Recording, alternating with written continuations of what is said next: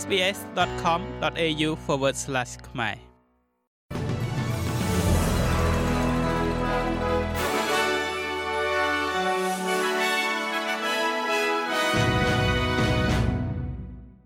ចាសសូមស្វាគមន៍មកកាន់នេតិព័ត៌មានខ្លីៗរបស់ SBS ខ្មែរសម្រាប់ថ្ងៃអង្គារទី19ខែធ្នូឆ្នាំ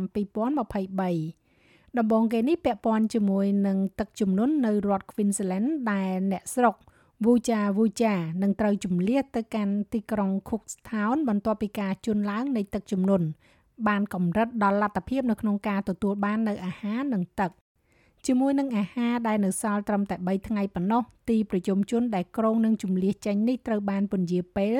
បន្ទាប់ពីអាកាសធាតុសើមខ្លាំងបានរារាំងដល់ឧទ្ធម្ភាគចក្រពីការជំលះចេញពីទីក្រុងនេះ តំបន់ Cooktown កំពុងរៀបចំដើម្បីទទួលយកអ្នកស្រុកចំនួន300នាក់នៃសហគមន៍ Vuja Vuja មនុស្សប្រហែលជា16នាក់រួមទាំងក្មេងប្រុសអាយុ7ឆ្នាំម្នាក់បានជាប់គាំងនៅលើដំបូលនៅមន្ទីរពេទ្យ Vuja Vuja កាលពីថ្ងៃច័ន្ទមុនពេលជំលះទៅកាន់ទីទួលខ្ពស់ការប៉ុនប៉ងជាលើកទី2ត្រូវបានធ្វើឡើងនៅថ្ងៃនេះដើម្បីជួយសង្គ្រោះដល់អ្នកស្រុកពីសហគមន៍ជនជាតិដើមភាគតិចដែលលិចទឹកនៅចុងភាគខាងជើងនៃរដ្ឋ Queensland នេះ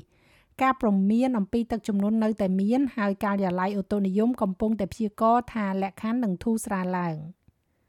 មួយទៀតនោះពាក់ព័ន្ធជាមួយនឹងភ្លើងឆេះព្រៃនៅរដ្ឋ New South Wales វិញម្ដងអ្នកស្រុកនៃរដ្ឋ New South Wales ត្រូវបានគេប្រាប់ឲ្យរកទីជម្រកជ្រកកោនខណៈដែលភ្លើងឆេះព្រៃមិនអាចគ្រប់គ្រងបាននៅភាគខាងជើងនៃរដ្ឋនេះកំពុងតែបង្កឲ្យមានព្យុះផ្គររន្ទះដ៏គ្រោះថ្នាក់សេវាពន្លត់អគិភ័យជនបទនៃរដ្ឋ New South Wales និយាយថា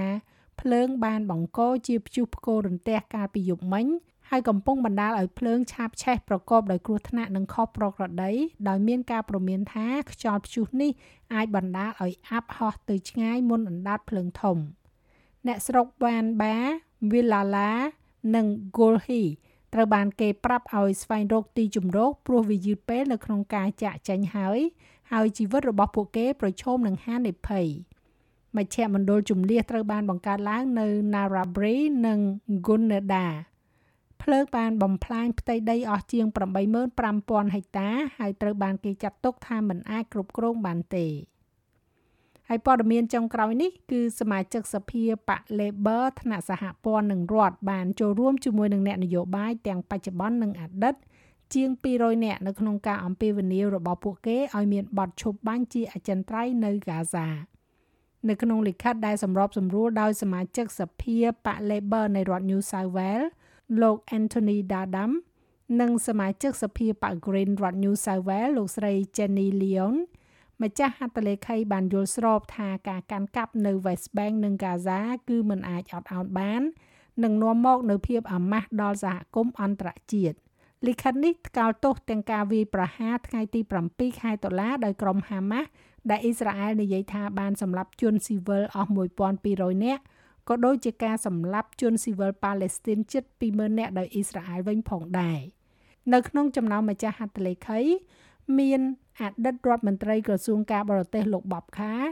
លោក Garrett Evans និងមេដឹកនាំទាំងអស់នៃបក Green ទាំងបច្ចុប្បន្ននិងអតីតព្រមទាំងសមាជិកសភាបក Labor នៅរដ្ឋ New South Wales 11រូបទៀត លិខិតនេះក៏កំពុងតែអំពាវនាវឲ្យរដ្ឋាភិបាលអូស្ត្រាលីទទួលស្គាល់ប៉ាឡេស្ទីនថាជារដ្ឋមួយផងដែរ។